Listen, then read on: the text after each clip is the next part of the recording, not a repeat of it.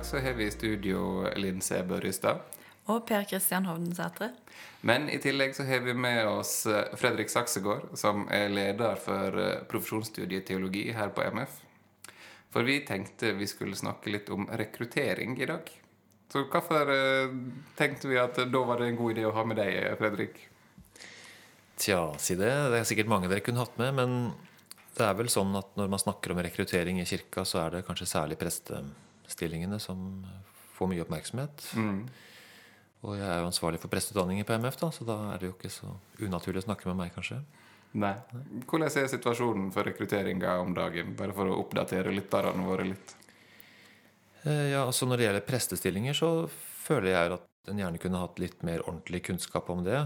Eh, det brer seg vel en oppfatning av at det er altfor få eh, utdannede prester og altfor mange ledige stillinger. Og det er jo helt klart at det kom veldig mange nye prester på 70-tallet. Og de går av med pensjon nå, så det, i løpet av noen år så vil mange slutte. Men det er også veldig mange folk i Norge som er utdannede teologer og ordinerte prester som ikke jobber som prester. Så jeg lurer på om dette også handler ganske mye om det å få folk, og da prester, til å jobbe i bygder som det som ikke så mange vil bosette seg i. Da. Og det er ikke forskjellig fra det man opplever med presteyrket og en del andre yrker. Så jeg skulle gjerne hatt litt mer kunnskap om selve rekrutteringsproblemet. For jeg frykter at hvis vi snakker om det veldig sånn generelt, så brer det seg en oppfatning av at, at dette er et yrke som liksom ingen vil ha lenger, eller at det er altfor få som vil være det. Og så er det kanskje en mye mer nyansert virkelighet.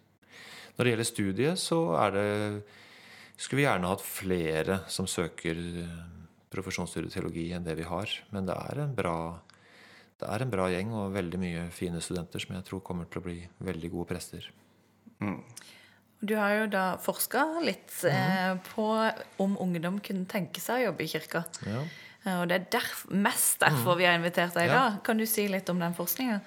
Ja, eh, det var et uh, prosjekt som het uh, ja, mm, studium eh, og profesjon, rekruttering og profesjon, eller profesjon og rekruttering. Så det ble iallfall SPOR som ble den fjonge forkortelsen. Som inneholdt en tre-fire delprosjekter. Så noen hadde en meningsmåling eller en type survey for studenter som tar kirkelig relaterte utdanninger. Og så var det noen som intervjuet kateketer og prester om hvordan de snakker med ungdom i ungdomsarbeidet om, om det å ta en kirkelig utdanning og jobbe i kirka. Og så var det jeg som intervjuet ungdom som er aktive i kirkelig ungdomsarbeid, og hørte med dem Det var på en måte tre interesser jeg hadde det. Det var dels bare for å høre med dem hvordan tenker de om det å velge Altså det å være i en sånn fase av livet hvor de driver med utdannings- og yrkesvalg. For det er egentlig forska overraskende lite på det. Men så hadde jeg jo en mer spesiell interesse, og det var jo hvordan de opplevde det å være med i kirkelig ungdomsarbeid, og ikke minst hvordan de så de kirkelige ansatte. Altså hvordan, Hva slags inntrykk hadde de av de kirkelige ansatte? Og for det tredje, kunne de tenke seg å søke sånne, eller velge sånne utdanninger og yrker selv? Da. Så det, var, det er artikkelen. Det er artikkelen. Mm. Og bakgrunnen er vel altså Det har jo vel historisk vært at det, veldig mange prester har hatt en bakgrunn i ungdomsarbeidet. I alle fall den gjengen som ble ferdig utdanna på 70-tallet. Ja, det er vel to bakgrunner. Det ene er at jeg kan ikke intervjue alle de ca. 60 000 som er på hvert ungdomskull eh, på videregående. Så du må på en måte finne noen hvor du tenker at de kan ha fått den ideen, og de har sett kirkelig ansatte i aksjon. Jeg skulle veldig gjerne egentlig intervjuet mange flere, også ungdom som ikke har kirkelig bakgrunn, på den måten, for å høre litt hvordan ser de på et yrke som prest eller diakon eller kateket eller kantor. Men det var iallfall ikke dette prosjektets idé, da. Men fortsatt er det jo sånn at mange av de som søker eh, til kirkelige utdanninger, det viser også den surveyen i den andre, det andre delprosjektet. Veldig mange har en bakgrunn fra kirkelig ungdomsarbeid, og veldig mange har også fått en positiv oppfordring til å gå den veien. Det er jo interessant. Mm. Hva fant du ut at disse ungdommene tenkte for noe? Ja, altså Når jeg snakker om den artikkelen, så pleier jeg ofte å fortelle det som om den, den beveger seg mot et slags sånn vendepunkt. Og så når man kommer til vendepunktet, så deler det seg på en måte i to veier. da. Så frem til eh, det vendepunktet så forteller disse ungdommene jeg vil si utrolig positivt om det å være med i kirkelig ungdomsarbeid. Dette er nok ungdom som har vært med i det en kanskje utafra kan si er sånn spesielt vellykket. Det er ganske store menigheter med ganske aktivt ungdomsarbeid og mye som skjer. Og de forteller veldig positivt om det. Og så På overflaten så kan man tenke at det er litt sånn karikatur av hvordan man kanskje av og til ser på arbeidet i Norske kirke. Altså Veldig mye vekt på at det er gøy og hyggelig og klubbstemning. Mm. Men når man går, du skal ikke gå så langt under overflaten før du ser at det, det er viktigere ting enn det. Og at, og at, det i seg selv, at det er et sted for avslapping og gøy, og at det er uhøytidelig, det er i seg selv viktigere enn bare at det er eh, entertainment. Og det har å gjøre med hvordan disse ungdommene forteller om det å være ung i dag som veldig preget av mye press. Eh, og press både liksom på å være vellykka, på å få gode karakterer. Men bare det på en måte press i retning altså Press som gjør at du ikke så lett, at du ikke så lett tør å være deg selv. Og det de får til når de er med i kirka, det er at det er lettere å være seg selv.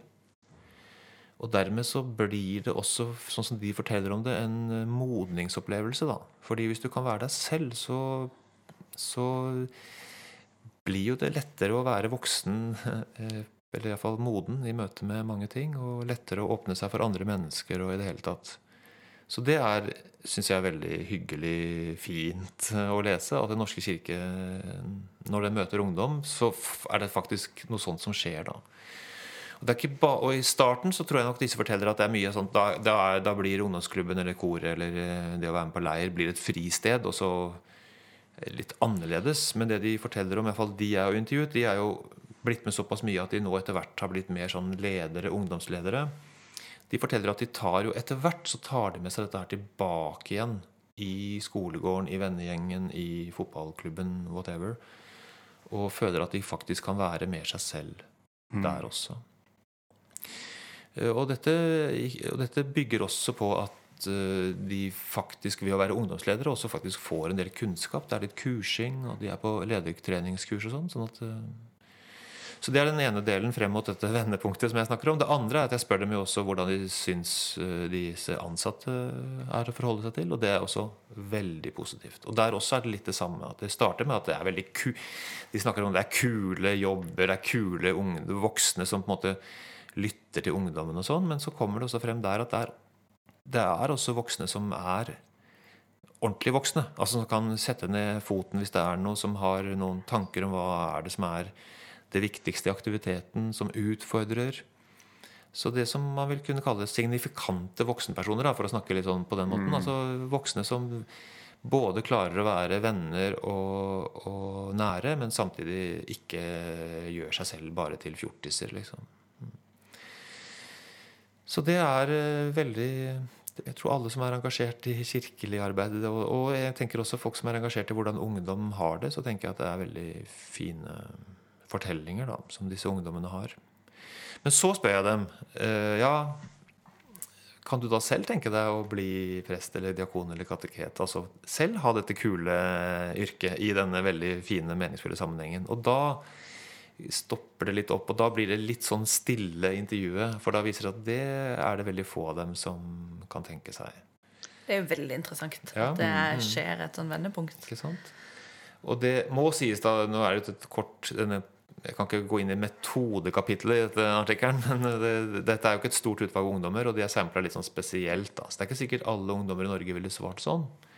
Men disse ungdommene kan ikke helt tenke seg det. Og da er det liksom to i det materialet som jeg analyserer, så er det liksom to forklaringer, da, sånn som jeg ser det på det.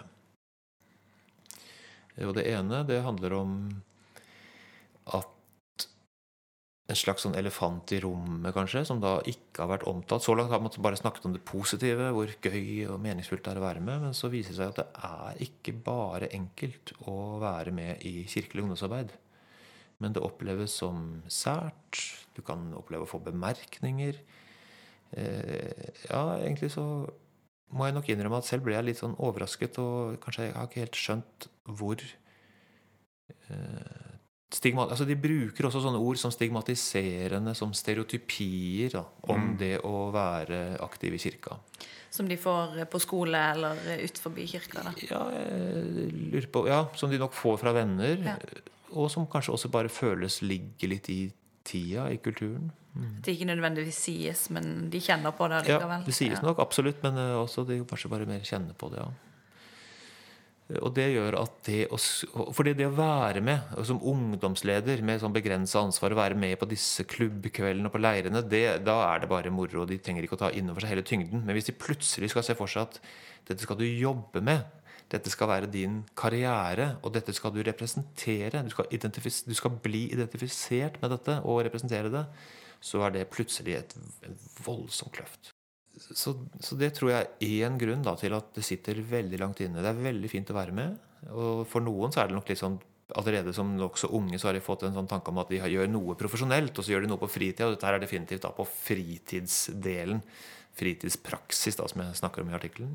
Sånn at det å tenke seg å drive, drive med sånn der fristad profesjonelt Det, blir, det er to forskjellige system. Akkurat. Det er sånn jeg leser dem litt. da ja. Og det kan, igjen, det kan hende at det er litt spesielt for denne ungdomsgruppa i akkurat disse områdene hvor jeg intervjuer. Men eh, jeg syns iallfall det er et interessant funn. da mm.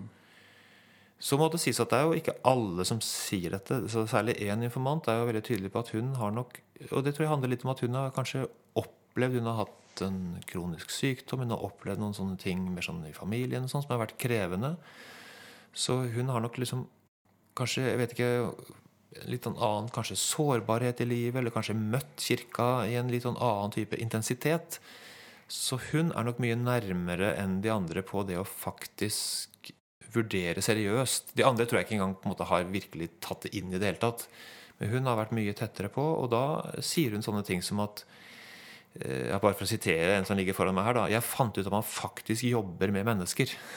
Man er der for familien som mister noen, og man har sånne samtaler med brudepar som gifter seg. Det kan også være sånn, nesten sånne ekteskapsrådgivere. Og jeg fant også ut at man kan gå til presten og snakke bare sånn generelt. Bare sånn si jeg er lei meg over noe. Og jeg fant ut at de er veldig flinke til sånne ting. Og så jeg syns det virket ganske sånn fint, både det å være i nærheten av Gud og det å være med, hjelpe mennesker, jobbe med mennesker. Også det å bidra til at man skaper et sånt fellesskap som det her. da. For meg så betydde det alt. Mm. Og da skjer det jo en sånn overgang ikke sant? fra dette her er liksom sånn, litt sånn sært, litt sånn på sida av den fritidspraksisen, til faktisk å bli eh, Det er det viktigste. da. Det betydde alt. Så det, det, så det, er liksom den ene veien etter vendepunktet. da, at for, for, ungdom så er det, Men også denne informanten fortalte jo hvor bare det å få et sånt uh, kors som smykkekors, korssmykke, til en eller annen bursdag eller jul eller noe sånt, og ta på seg det. Selv det syntes hun var krevende. Mm. Så så sterkt kjente hun på, på, på, det stigmatiserende. Men likevel så var de erfaringene hun gjorde, så sterke da at uh, hun likevel vurderte det. Ja.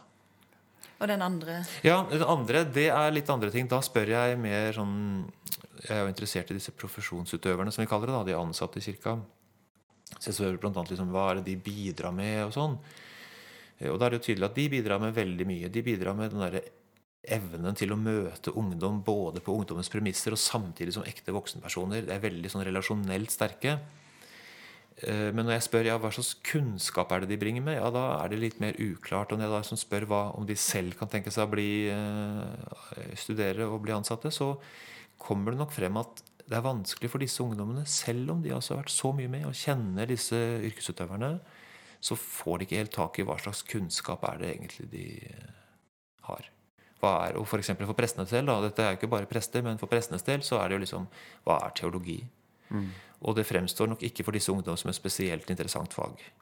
Eh, og det er nok litt, tror jeg, fordi de ikke egentlig har møtt altså Det er ikke det at ikke disse ungdomslederne og prestene har vist seg som fagpersoner. På ingen måte. Det tror jeg de har. Men det har kanskje vært vanskelig å virkelig dra ungdommene inn i teologisk refleksjon. Og så kommer det sånne ting som at det viser seg at selv om jeg er helt sikker på at ingen av disse prestene for eksempel, sier til ungdommene at for å være kristen så må du tro at verden er skapt på seks dager pluss en hviledag.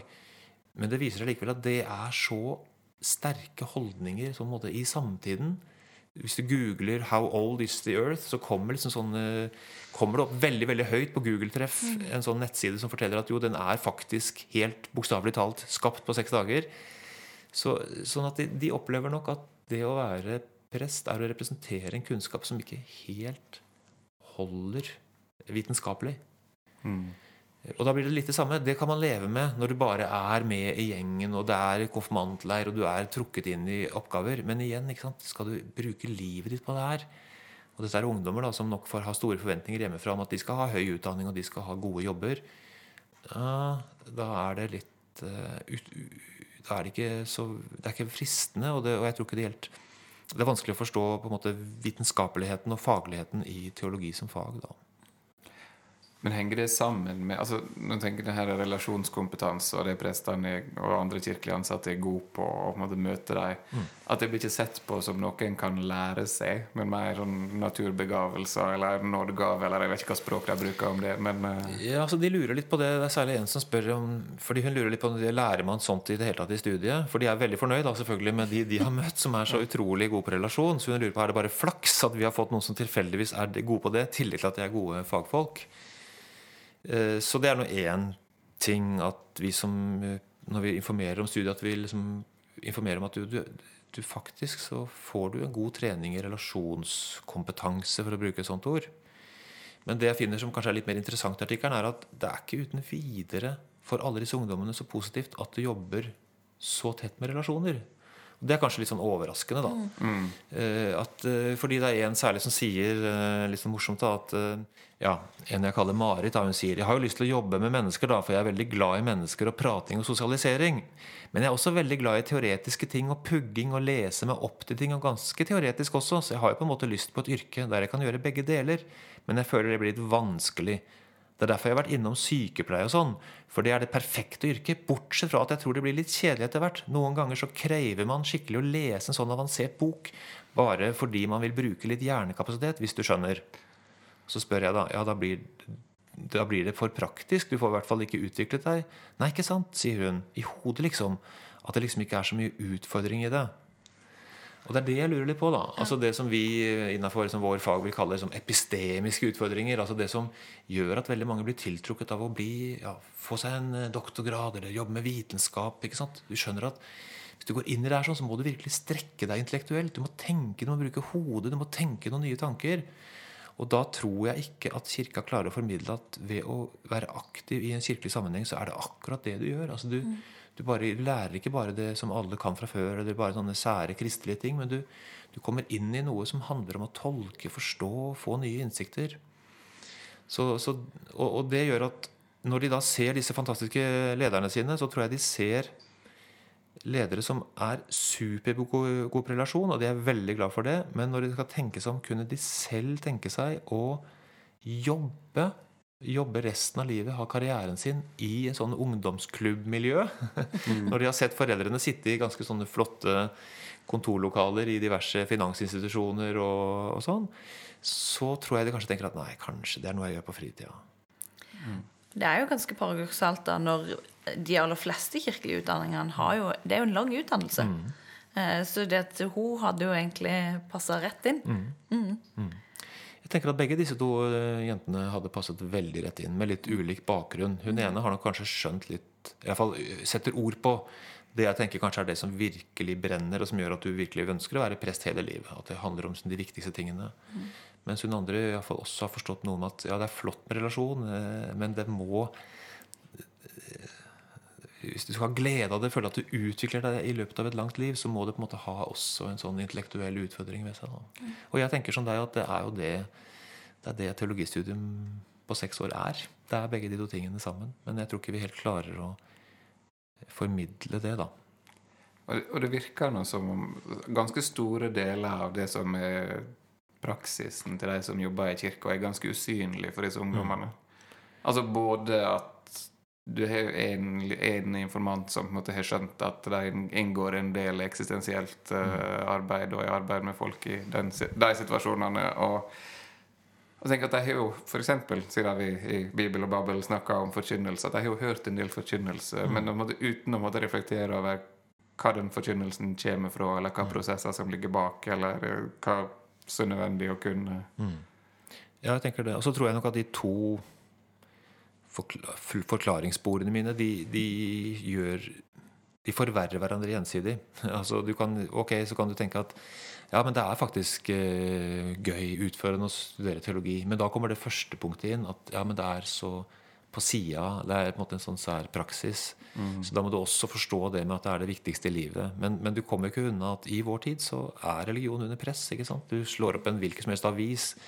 Er det noe om religion på en nettavis, så vet du at kommentarfeltet bare er fullt av uh, nyateister. Og det er, det er det presset hele tiden som gjør at det, det er ikke hvem som helst som kanskje vil merke at dette kan jeg faktisk identifisere, bli identifisert med og representere. Og da har du den utfordringa med medierepresentasjonene av religionen. absolutt. At det er ytterpunkter som viser igjen eh, Så når du da dukka opp eh, kreasjonisme på uh, treff nummer tre på Google Ja, to. To. Treff med to, faktisk. Da har da rykket opp siden sist jeg søkte. Oh, ja, okay, ja, men kanskje ja, men Det kommer da på hvordan du ordlegger. Og det får reportasjer fra henging, henging på ungdomsklubben. Ja. Men eh, du, sa, du sier nå i artikkelen din, du sa litt i forkant her nå, om den lokale kirka. Mm. Eh, og forholdet til kirka som både lokal og nasjonal. Kan Ja. du si litt mer om det? Ja, det har, det har litt med dette første av disse to sporene etter vendepunktet å gjøre. da, Så det å føle at dette er litt sånn sært og skjørt. Eh, Og det er nok at Det var ikke noe jeg gikk veldig dypt inn i intervjuet, men jeg syns jeg ser et spor av at for disse ungdommene så er ungdomsklubben de opplever, det er et slags unntak. De har en sånn forestilling om at det er bare her vi har disse kule prestene, og, og at det er så livet at I andre menigheter så er det ganske dødt. Og på en måte har de kanskje er på sporet av noe, for dette er jo ikke helt gjennomsnittlig ungdomsarbeid. Men det er klart at det fins mye mer enn der de er. Eh, Og det har jeg tenkt en del på at, at det, det de ser, er den lokale kirka, de lokale ansatte, de ungdommene de er i, og at det er liksom der det er veldig lokalt. Mens de i mindre grad virker å se at dette er faktisk en del av en nasjonal kirke som betyr noe viktig i landet vårt, og som, hvor det er en styrke at vi faktisk utgjør et sånt institusjonelt fellesskap, og ikke bare dette nære, varme, koselige fellesskapet. Så, og der lurer jeg på om vi som at Den norske kirke kanskje skulle prøvd å kommunisere det litt tydeligere.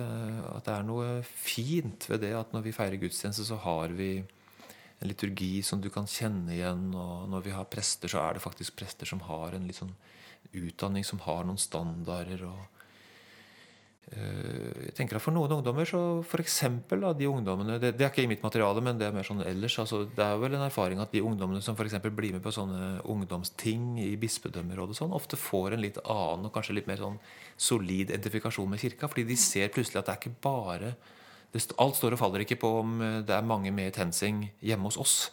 Det er faktisk litt mer, og man dras inn i noen sammenhenger hvor man er seg selv som ungdom, og det er ungdomsengasjement, men man er samtidig i noe som en faktisk kan være med i som voksen òg. Så kanskje skulle vi vært litt Og det er klart at jeg skjønner at man ikke snakker så mye om det på samme måte som man ikke snakker så mye om teologiske diskusjoner. fordi det ungdommene nok er tydeligst på at de ønsker, det er jo levende lys på ungdomsklubben fredag kveld. Det er, det er der trøkket er, å ha det gøy på leir. Det er, det, er neppe, det er neppe sånn at de ansatte føler at det er masse mas om at de skal ha flere teologiske diskusjoner, eller, eller få vite mer om Den norske kirkes oppbygging. Liksom. Det, er ikke der, det er ikke der. Men under det så er det kanskje noe med å prøve å lytte seg til hva som på litt sikt bygger identifikasjon da, og, og gir mening. Men hvis en skulle finne eh, anledninger og plasser der en kunne uttrykke mer av den- sin teologiske kompetanse, hvor, eh, har du noen tanker om hvor det kunne vært? Da tenker du i, innenfor ungdomsarbeidet? Ja. Hmm. Jeg syns øh, Det er vanskelig å si. Vanskelig synes jeg å gi konkrete råd. Men det jeg tenker det det virker som de veldig, snakker mye om og gir ungdommene mye ressurser på, det går på sånn tro og tvil. At det er, mulig å tvile, og det sier de mye fint om. For det er klart at det treffer noe, også, også i forhold til å skulle velge dette som yrke og utdanning. Så det er klart at det sier flere noe om at det å skulle velge noe som på en måte, de føler kanskje at den troen henger i en temmelig tynn tråd som den gjør. Og da gjøre det til yrket sitt er veldig sårbart. Så, og da setter de ord på at de har hørt forkynnelse som handler om at eh, troen er en, tvilen er en del av troen osv. Særlig hun ene da som sa eh, hun som kanskje var, hadde tenkt mest på å studere, hun, hun har vært, for henne har det vært helt avgjørende. Og hun siterer nærmest en uh, konfirmantleder eller prest eller mm. kateket eller et på, på, at det har vært sagt helt direkte, og det har vært viktig. Men det det virker som det er mindre på, er på en måte, altså tro og tvil er det mye på, men tro og vitenskap, tro og viten, som jo har så lang tradisjon i kristen teologi på å diskutere liksom, hva er det å vite, hva er det å tro, det er det kanskje litt mindre på. Så å invitere litt mer inn til um, samtaler om det, det, det tror jeg, og i det hele tatt bare prøve å kanskje å etablere seg selv som en yrkesutøver som har mulighet til som, som jobber med sånne spørsmål. Mm. Og kanskje brette litt ut, vise litt at når jeg forbereder en preken, når jeg er på vei til et menighetsrådsmøte, sitter i en ungdomskomité, så er jeg teolog. Det er noen spørsmål som ruller og går. Uh, ja, det er vel et sånt veldig sånn generelt svar, da. Uh, prøve å liksom men når du sier tro og vitenskap, mm. tenker du da på de, sånn, de klassiske temaene som fort uh, kommer opp med måte, teologi og naturvitenskap og skapelse og sånne ting, eller har du et bredere perspektiv på det? Ja, begge deler. Man må jo høre hva er det ungdommene lurer på, da. Hva er mm. det de ser på for tida på YouTube eller uh, hvor som helst. For dette er jo et spørsmål som er oppe hele tiden, og det beveger seg jo. Og det er jo noe av utfordringen, tenker jeg, også ved å utdanne teologer. At du kan liksom ikke tenke at det er tre typer spørsmål, så må de kunne det. Men du må jo på en måte gi noen ressurser som gjør at de når det kommer opp noen nye temaer i tiden, og det kan jo være bare i min egen tilbake noen år, da, men altså plutselig så kommer Da Vinci-koden, eller så er det liksom Judas evangeliet, og så plutselig så er det noe annet. ikke sant? Det kommer opp sånne ting hele tiden som engasjerer mange, som gjør at mange snakker om religion og tro. Og så sitter en kanskje som prest og føler at oi, dette lærte jeg ikke noe på studiet. Så det å da ha noe at vi i studiet kanskje er flinkere til å gi litt mer sånn på et litt mer sånn generelt nivå gir en hjelp. da. Mm. Så, men så handler det også veldig mye om dette er jo ungdom som er skarpe og interesserte. Og hvis de først blir tent på noe, så går jo de inn og leser seg opp på no time. ikke sant? Sånn at det å bare lytte seg frem til det, må være med i de samtalene som disse ungdommene er opptatt av, det er jo kanskje det aller viktigste. da, Å stole på at jeg har faktisk med meg som fagperson nok til å komme, gå inn i disse samtalene på både en åpen og lydhør måte, men også ha noe å melde da, som, mm. som fagperson. Hva slags sammenhenger er det naturlig å ta opp de temaene, tenker du? Altså, er vi, er vi preika på en søndag, eller er vi på ledertreningskurs, eller eh? Jeg tenker vi er mange steder, da. Mm. Um, ja.